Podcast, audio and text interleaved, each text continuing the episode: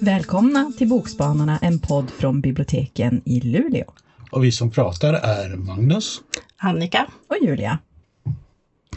Och idag så har vi tema inland. Vi ska fly från kusten upp på torra land. Ja, men det låter väl spännande. Men då undrar jag sådär, vad är inland egentligen? Har ni någon definition? Ja, jag tänker bara på klimat, att det liksom Mm. heta somrar och kalla vintrar. Mm. För mig är det liksom den där partin av Norrbotten som inte är kust och som inte är fjäll. Som man egentligen liksom bara kör rakt igenom när man ska någonstans. Som en passage, en mellansträcka. En mellansträcka, ja. Mm. Absolut. Sen kan man ju också se inland som om man tänker på det inre, alltså känslolivet, om man tänker på det som inland. Mm. Jo, det går ju absolut. Jag tycker det är ett ganska relativt begrepp egentligen. Hur lång är en sträcka liksom? Från början till slut. Som ett snöre. Eh, så nu ska vi vara, ägna oss lite kryptisk nagel... Navelskåderi, inte nagelskåderi, det är något helt annat. det. Eh, men eh, du kanske vill börja Annika? Ja, jag kan ju ta vad jag har läst. Jag har läst eh, en bok som heter Fjällrand, det krokiga tallarnas land, skriven av Thomas Öberg och med fotografier av Jan-Erik Nilsson. Det här är verkligen en kanonfin bok som, som visar landet eh, i världsarvet Laponia. Så vi åker till Stora Sjöfallet och Sjaunja och, och Muddos här, de här äh, områdena kring Stora Lulevattens eh, dalgång och källor. Och här får vi stifta bekantskap med taigan. Och taiga, om ni vet, så är det ett gammalt ryskt ord för det här äh, barrskogsbältet som sträcker sig runt eh, norra halvklotet, precis söder om tundran, den här trädfria zonen. Och vi får lära oss i den här boken om, om skogens uppkomst efter istiden, om granen som den första kolonisatören som satte sina rötter i, i backen. Och, eh, speciella sådana här anpassningar till överlevnad bland fuktiga sänkor och, och vindpinade hedar. Och vi får också stifta bekantskap med områdets eh, växter och djurliv. Och här ser vi väldigt vackra bilder på glittrande eh, snö och spårlöpor och eh, den här blyga grå flugsnapparen som kanske inte alla känner- till, som sitter då i som här glödande solljussilhuett. Eller det skygga lodjuret mitt i, i språnget på klippan. Så det är superfina bilder i den här boken, verkligen. Men det är inte bara flora och fauna som vi får möta här, utan också träffa människorna som lever i det här landskapet. För det här är ju ett kulturlandskap som, som går många mansåldrar bak i tiden. Och här finns de här levande stigarna som omformas av att det faller ett träd och stigen tar en ny liten krok runt det här trädet. Och här har vi också de här gamla fornlämningarna som fångsgroparna och renvallarna. Och vet ni vad arra är för någonting förresten? Nej, det är eh, namnet, det samiska namnet för en eldstad. Och den, en sån här stenring där man eldar liksom ute i naturen. Mycket vanlig lämning i det här kulturlandskapet. Och här får vi också träffa då väldigt personligt folket som lever i det här området. Det är allt från renskötare till entreprenören inom ekoturism. Och bland annat så, ett speciellt intressant stycke, det var när Per-Erik Kuliak Kuljak som berättade om förr i tiden så hade man hjortron och man lade dem i en träkagge. Och sen tog man den här träkaggen och sänkte ner den i en kallkälla. Och där liksom i djupet av den här kalla källan så kunde de här hjortronen hålla i mer än ett år. Så det var som ett kylskåp. Och jag tyckte det var så spännande för han sa att den här äh, smaken av, av liksom hjortron som har legat i den här träkaggen, den finns inte idag längre. Så det är som en sån här Eh, någonting som har försvunnit med tiden, som bara vissa fortfarande kan minnas. Och det tyckte jag var så spännande att läsa om. Och vi får också följa med på glamping, alltså sån här äh, kam glamorös camping, eh, som då Lennart Pittja, han driver en turistanläggning i naturreservatet i Sjaunja. Och eh, liksom här då under norrskenet så får turisterna också bo då i, i såna här eh, kåtor och varje kåta har sin egen vedeldade kamin och de får komma dit och lära sig att göra upp eld och så där.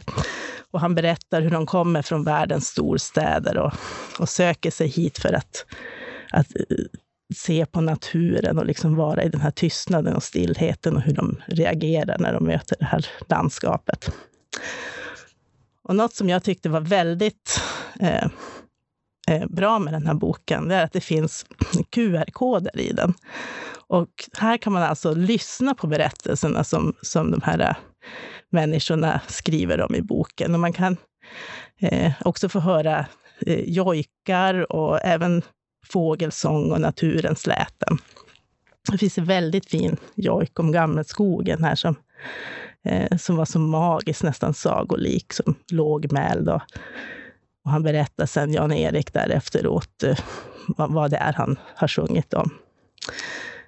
Eh, jag tror att Mikael Niemi beskrev det bäst i förordet när han liknade den här boken vid ett skogsbad.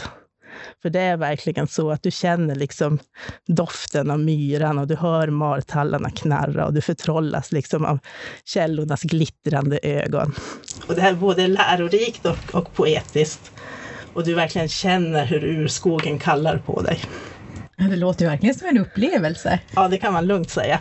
Det är också en väldigt fin, en väldigt vacker bok som jag gärna vill ha i min egen bokhylla. Och det är också en mycket fin gåvobok kan jag tänka mig om någon vill ha ett smakprov från, från vårt inland på gränsen till fjällvärlden. Ja, det lät verkligen fantastiskt. Och jag har läst någonting annat. eh, nej men jag tänkte tipsa om Under all denna vinter av Negar Nase. Och det här var, vad heter det, den har några år på nacken, den kom 2014. Eh, och det var författarens debut och nominerad till Borås Tidnings debutantpris samma år. Och det som är speciellt med den här boken är att den består av två delar. Först får vi romanen och sen får vi en arbetsdagbok om författarens arbete. När hon skrev den. Och eh, berättaren, huvudpersonen i den här romanen är ju Helen. Och hon bor med sin sambo Adam i en by i Västerbottens inland. Och det är Adams gamla hemtrakter. Och de bor lite avsides. De köpte det här huset de bor i möblerat och det hade stått tomt ett tag. Så de tillbringade lång tid med att städa och få i ordning och måla om och fixa. De ordnade en musikstudio till Adam i en separat byggnad på tomten. Och Helen tycker om att, att se när det är tänt där, att han, han är nära men han är på avstånd. Eh, och, eh, nu ska Helens mamma för första gången hälsa på henne och hon blir den första av Helens släktingar som kommer sen hon flyttade norrut. Och Helen hon är spänd. Hon har städat, hon har fixat, hon har jobbat i flera veckor för att få till det här receptet på violskorpor för det skorporna äter hennes mamma alltid till frukost. Och hon har tillbringat mycket tid att fundera på vilka böcker hon ska lägga på nattduksbordet i gästrummet. För det gör alltid hennes mamma när det kommer gäster och böckerna ska vara valda med omsorg och det ska vara någonting gästen uppskattar. Och det känns som att det har jag aldrig varit med om själv. Det är ingen som har liksom valt ut specifikt till mig en, en bok och lagt på nattduksbordet när jag kommer. Det äh, låter verkligen liksom... Stackars Julia. um, nej men, det, de har en väldigt speciell relation. Alltså, hon känner att mamman har så höga krav Eh, Eh, och att hon beter sig som hon är bättre än andra, så hon är så här spänd, hon vet inte hur det ska gå det här. Och sen börjar hon tänka, hon, hon som har ändå känt sig nöjd med det hon är, hon känner att hon börjar titta på allting med sin mammas, alltså mer negativa eh, blick. Eh, kanske allt var bättre på den här skärgårdsön utanför Stockholm, Marsö, där hon växte upp och där mamma fortfarande bor. Duger det här stället som hon nu har flyttat till? Även om alltså hon älskar att vara ut, ute och vandra där i skogen, de badar i sjön som de ser från sitt hus. Eh, hur ska hon nu, liksom, när hon börjar på något sätt att mamma, hon tycker att mamman kommer in och nu förstör hennes nöjda känsla genom att hon börjar se det genom, som hon tycker, mammans ögon. Som jag sa, de har ju en komplicerad relation och eh, nu när mamman är där och att hon tycker att hon berättar minnen från Helens barndom som Helen, inte, som Helen kommer ihåg annorlunda. Att hon tycker att det är som att hon skriver över hennes minnen, att så kommer inte hon ihåg det. Så hon känner sig förminskad. Och så kommer det upp det här att hon såg hjortar på den här ön där hon växte upp. Medan alla säger det finns ju inga hjortar, att de, hela den flocken gick genom isen för flera år sedan. Att, att de tror att hon ljuger, att hon såg de där hjortarna. Um, så he, under hela besöket är hon ju så spänd. Ska hon liksom ställa mamma mot väggen eller inte? Och om hon skulle göra det, vad finns kvar då? Kan de ha en relation eller inte? Och i den här boken är landskapet väldigt närvarande. Som jag sa, hon gillar att vara ute på promenad, hon bastar, hon badar i sjön, hon sitter och tittar på skogen. Alltså den är väldigt närvarande hela tiden. Ehm. Men men Helen som är berättare, det är ju hennes tankar, hennes känslor, men kan vi lita på den? Är hon en tillförlitlig berättare? Är mamman så elak som hon berättar? För när hon kommer, så då tänker hon, men det här har ju gått lätt och hon verkar trevlig och hon pratar och vem är liksom, har mamman förändrats? Eller inte. Um, så att jag, jag, tyckte att det var um, en intressant, liksom, uh, ändå det byggde spänning i berättelsen, även om vi var både liksom med, med, hennes minnen av sin mamma och hennes spända väntan på mamman och den här spänningen som skedde när mamman var där. Både mellan liksom då hennes inre landskap och landskapet utanför det här huset där de bor där de tillbringade då all tiden när mamma var på besök. Så det var, eh, jag tyckte att det var bra. Men sen så kom ju det här spännande, då kom ju skrivdagboken efteråt med hennes arbete med att skriva det här. Och det är ju ett intressant grepp och, och, då kan man ju fråga sig, ge, alltså får man någonting av, vill man veta hur författaren jobbade med texten? Ja. ja. Eller vill man kanske, jag tänker, tänker spontant att det kanske är bra och nu läste jag ju dem alltså efter varandra. Att jag undrar om det kanske är bättre om man har en paus emellan när man läser och sen läser man författarens arbete med texten för att själv att den ska, texten ska kunna landa och man ska få, få sin egen liksom, åsikt innan man får höra vad baktanken var. Jag vet inte. Eh, hon, det är mycket, mycket skriver hon ju om hur eh, vilken läsning hon gör. Det är mycket också om vad andra författare säger om skrivande och mödrar. Hon läser mycket antika myter eh, om jungfru Maria. Eh, så att, eh, jag vet inte, lite grann när jag läste den kändes det som att hon ville visa hur beläst hon var. att jag kände inte, alltså historien står på egna ben. Jag tycker inte att man behöver läsa eh, arbetsdagboken. Eh, och okej, okay, den ger en inblick i hennes process, men jag är som inte... Jag vet inte. Um, text ska ju vara öppen för tolkning och jag vet inte om man vill um, jag vet inte om jag vill att vi vill ha författarens tolkning av sin egen text. Jag vet inte. Jag vill, jag vill, ja, nej, jag vill vara fri och läsa texten själv. Du vill ju bestämma själv. Ja, jag vill bestämma själv. Eh, men jag tyckte absolut om man är intresserad av skrivande och skrivprocessen, att den kan vara intressant att se liksom hur, hur kanske en författare kan läsa och plocka stoff från olika och sen få ihop det och att man kanske hade tänkt texten åt ett håll först och sen ändrar man sig efter gången eftersom hur det funkar. Men, men jag tycker absolut om man ska, att man ska läsa den, men jag tror att man ska ta kanske en veckas paus emellan man har läst texten innan man läser arbetsdagboken. För att på något sätt landa i texten först, tänker jag. Eh, och den här författaren har faktiskt kommit med en ny bok i år som heter En handfull vind. Som eh, låter intressant. Så den kanske jag läser nästa år. För jag är helt fullbokad. så jag, jag, kan inte lägga till någon mer bok på min att läsa-lista. Eh, så det, nej, det var väldigt intressant. Det är första gången jag har läst liksom, en bok som, som är uppdelad i, i en romandel och en arbetsdagboksdel. Har ni läst någonting sånt?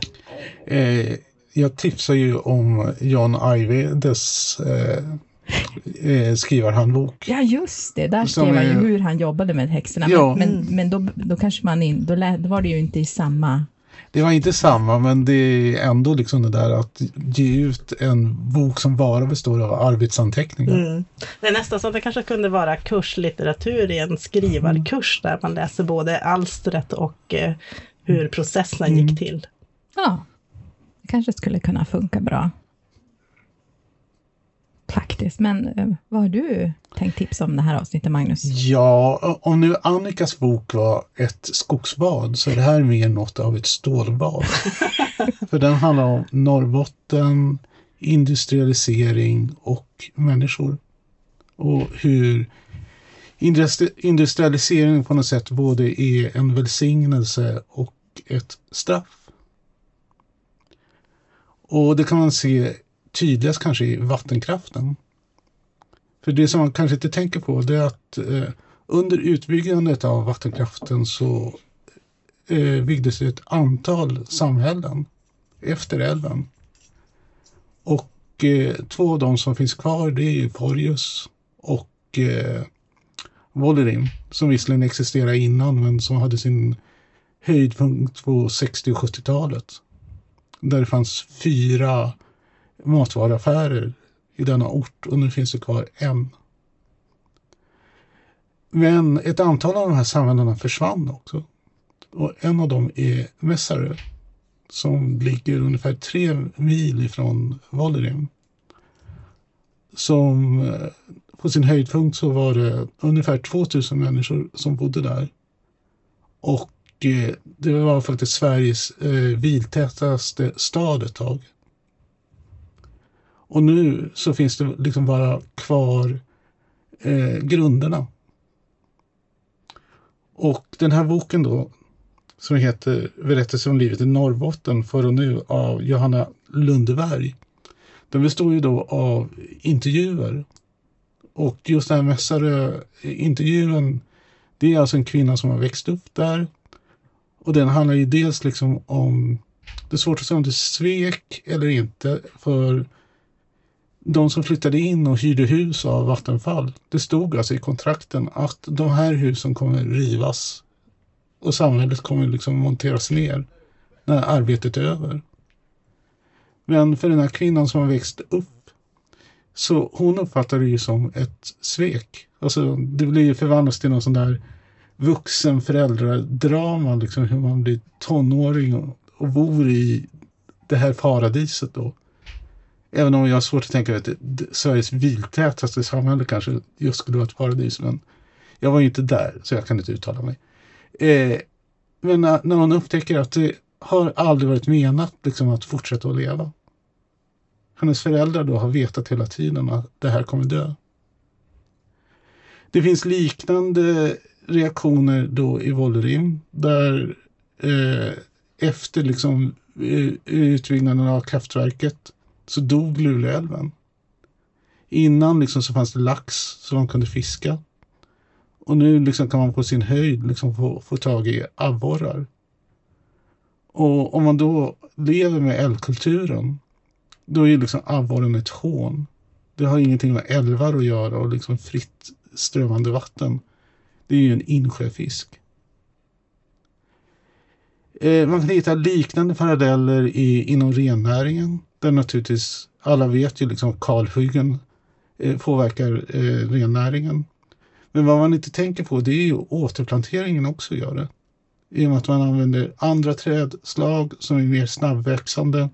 Man får en skog som är för tät så renarna kan inte gå in i den och veta.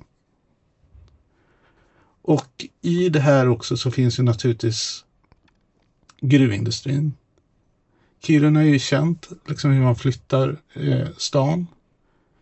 Men eh, Malmberget, eller i varje fall om man får tro den här boken, är liksom eh, Malmbergsborna känner sig ännu mer hårt behandlade. Därför där har ju hela samhället raderats ut totalt. Eh, jag vet inte om det var riktigt sant, men alltså det mesta, liksom det som är centrum, är liksom borta nu. Det är liksom bara någon slags öken. Jag har inte sett det själv. Eh, och det är också det här att det har gått under så lång tid att eh, gruvindustrin och en del av de som har bott där har varit medvetna om det. Det första huset som re, revs för gruvan, det var alltså i slutet av 1800-talet. Och så det här är en bok som dels handlar om kärleken till Norrbotten. Men den handlar också om en sorg över liksom ett döende Norrbotten. Och jag tycker om den, men den är också väldigt svår att ta till sig. Liksom den där, samtidigt som Vattenfall har stått för eh, framgång, de har stått för sponsring av idrotten, de har byggt upp samhället, så är det också de som har dödat älven. Alltså den är väldigt sådär ambivalent. Och sen, eh, jag gillar ju liksom de här, kanske inte så professionella, jag ska inte säga valhänt, men alltså det är absolut ingen tjusig bok och det känns att det, det här är någon som har velat skriva den här boken därför att de älskar Norrbotten. Och de har träffat massa människor som de har intervjuat. Så jag tycker om den, trots att den mm. är lite ledsen. Mm. Det är som ungefär motsatsen till den bok som ja. jag läste. Det är ja. baksidan, den här mörka. Mm. Är intressant. Men just alltså industrins dubbelhet, alltså det, det märker man ju. Det finns ju i väldigt mycket i debatten om Kiruna. Liksom det där. Ja, vi vet att det liksom äter upp marken under, under våra fötter, men vad ska vi leva på? Mm.